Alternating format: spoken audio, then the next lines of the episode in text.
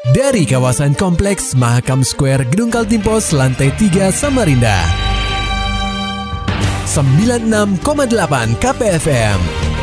Kita akan ikuti program KP Flash News.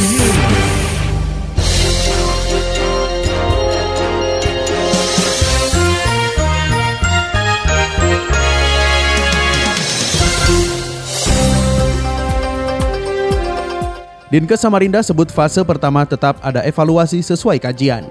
Laporannya disampaikan reporter KPFM Samarinda, Maulani Alamin. Pendengar KP, sebelum merekomendasikan fase-fase relaksasi kepada gugus tugas percepatan penanganan COVID-19 Samarinda, Dinas Kesehatan Kota Samarinda telah melakukan sejumlah kajian jauh-jauh hari. Hal ini disampaikan PLT Kepala Dinas Kesehatan Kota Samarinda Ismet Kusasi dalam konferensi pers virtual beberapa waktu lalu.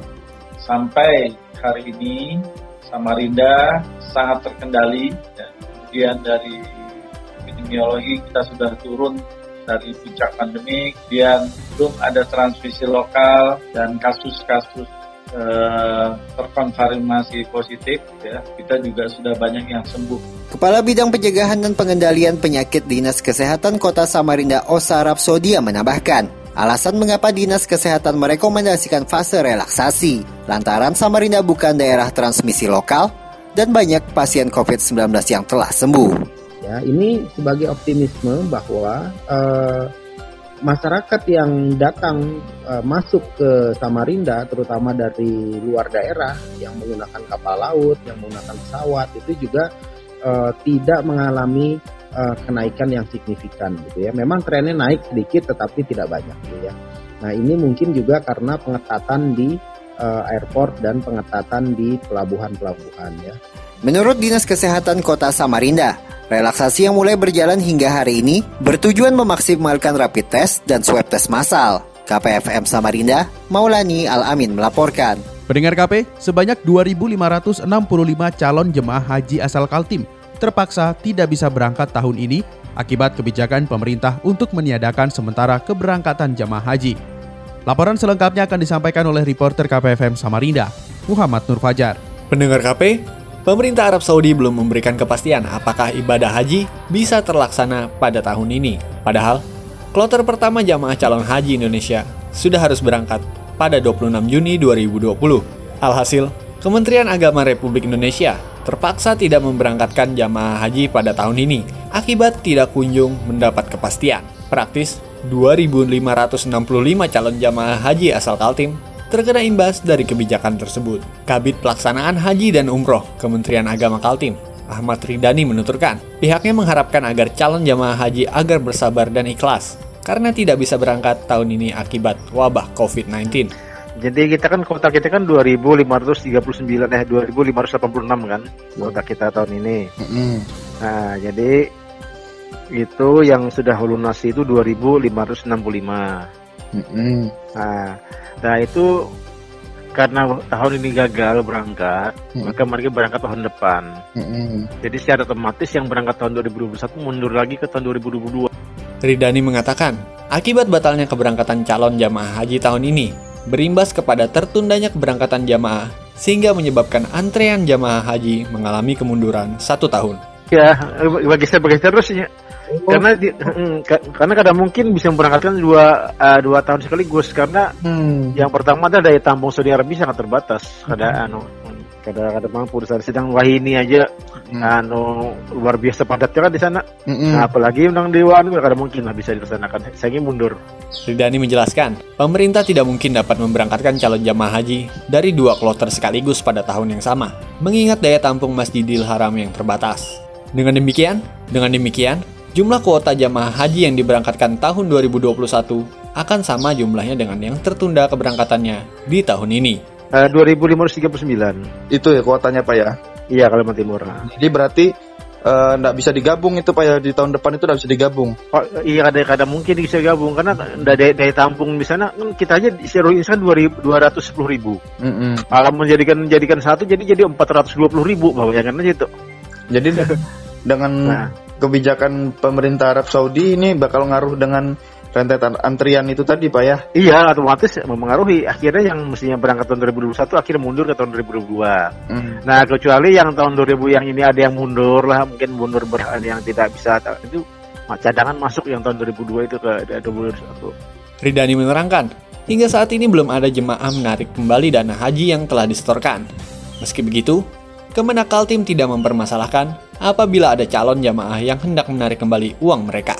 Sampai hari ini Hmm. Belum ada lah kita lapor dari kawan-kawan kabupaten kota karena rencana uh, hari minggu depan atau senin nanti kita akan rapat dengan kabupaten kota nunggu laporannya ada kan yang menarik. Hmm. Tapi seandainya pun narik tentu tidak ada masalah sebenarnya. Hmm. Asal yang ditarik itu dana pelunasannya aja, hmm. dengan bukan uang muka. Hmm. Namun dana pelunasan ditarik, lah kayaknya pada saat tahun 2001 nanti mereka tetap jadi prioritas yang akan berangkat. Tinggal melunasi lagi, melunasi ulang kan gitu. Hmm. Nah tapi kalau uang mukanya diambil juga, otomatisnya di daftar dia keluar dari dari anu kota. Akhirnya dia menyan mau masuk pulang masa daftar dari awal lagi jadinya. Mm -mm, berarti dicoret pak ya dari ke ya. iya artinya anu kotanya hilang gitu nah kan kotanya hilang.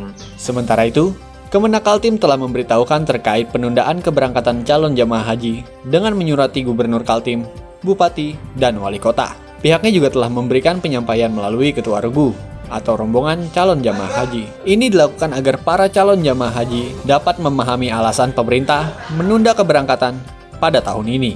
KPFM Samarinda, Muhammad Nur Fajar melaporkan.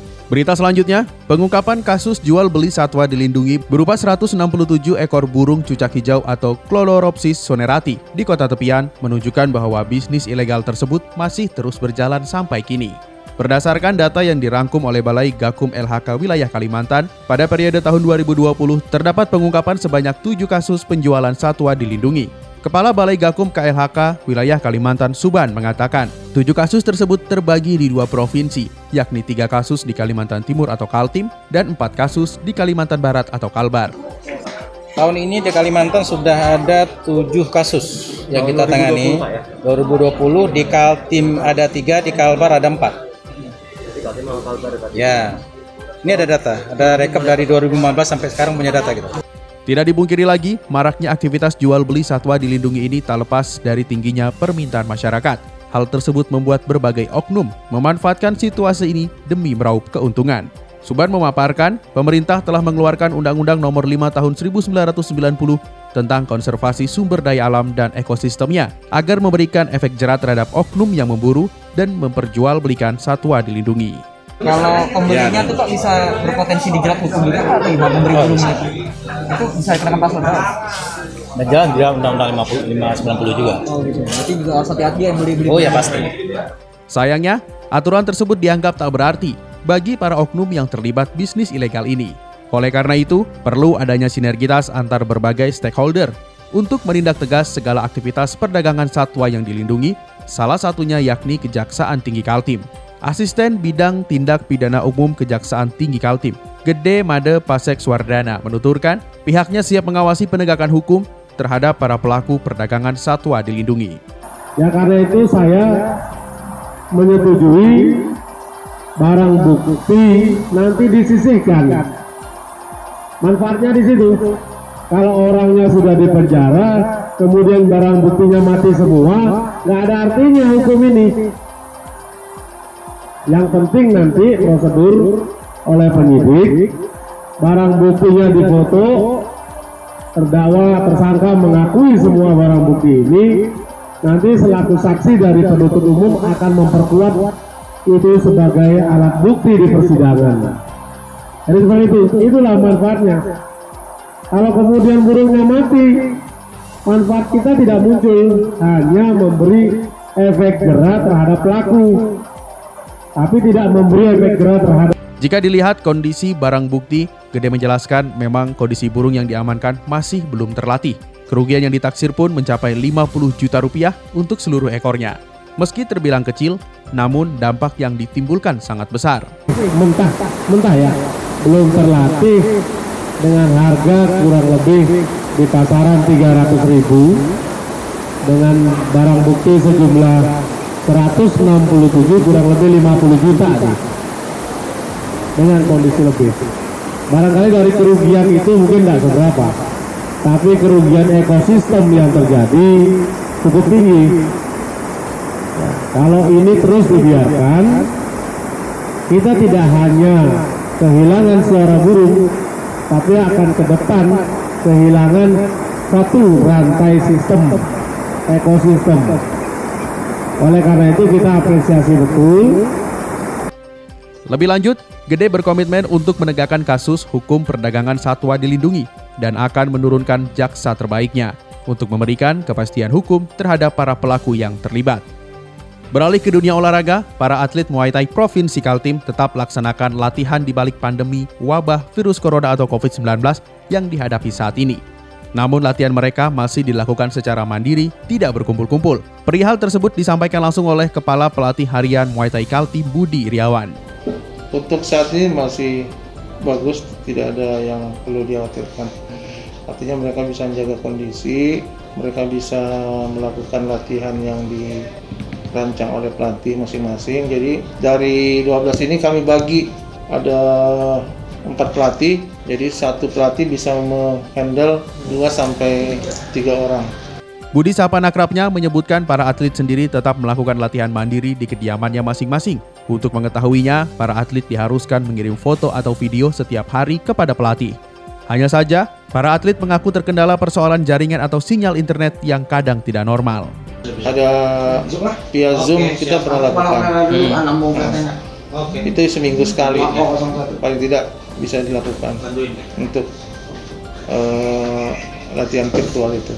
Cuma kendala dalam misalnya kan latihan mantau lewat virtual nih pak. Uh-huh. kendalanya itu apa sih mungkin pak sinyal? Ya itu kendala apalagi yang kondisi jarak jauh-jauh kan yang iya. seperti ada di Mahulu ada di Kutai Barat Sekedar informasi, dari 12 atlet Muay Thai Kaltim yang akan berlaga di PON Papua ke-20, tim pelatih dibagi menjadi empat kelompok. Maulani Alamin, Muhammad Nur Fajar, KPFM Samarinda serta dapatkan berita-berita selengkapnya di www.968kpfm.co.id. Demikian tadi telah kita simak rangkaian berita-berita yang terangkum dalam program KP Flash News. Persembahan dari 96,8 KPFM. Terima kasih dan sampai jumpa.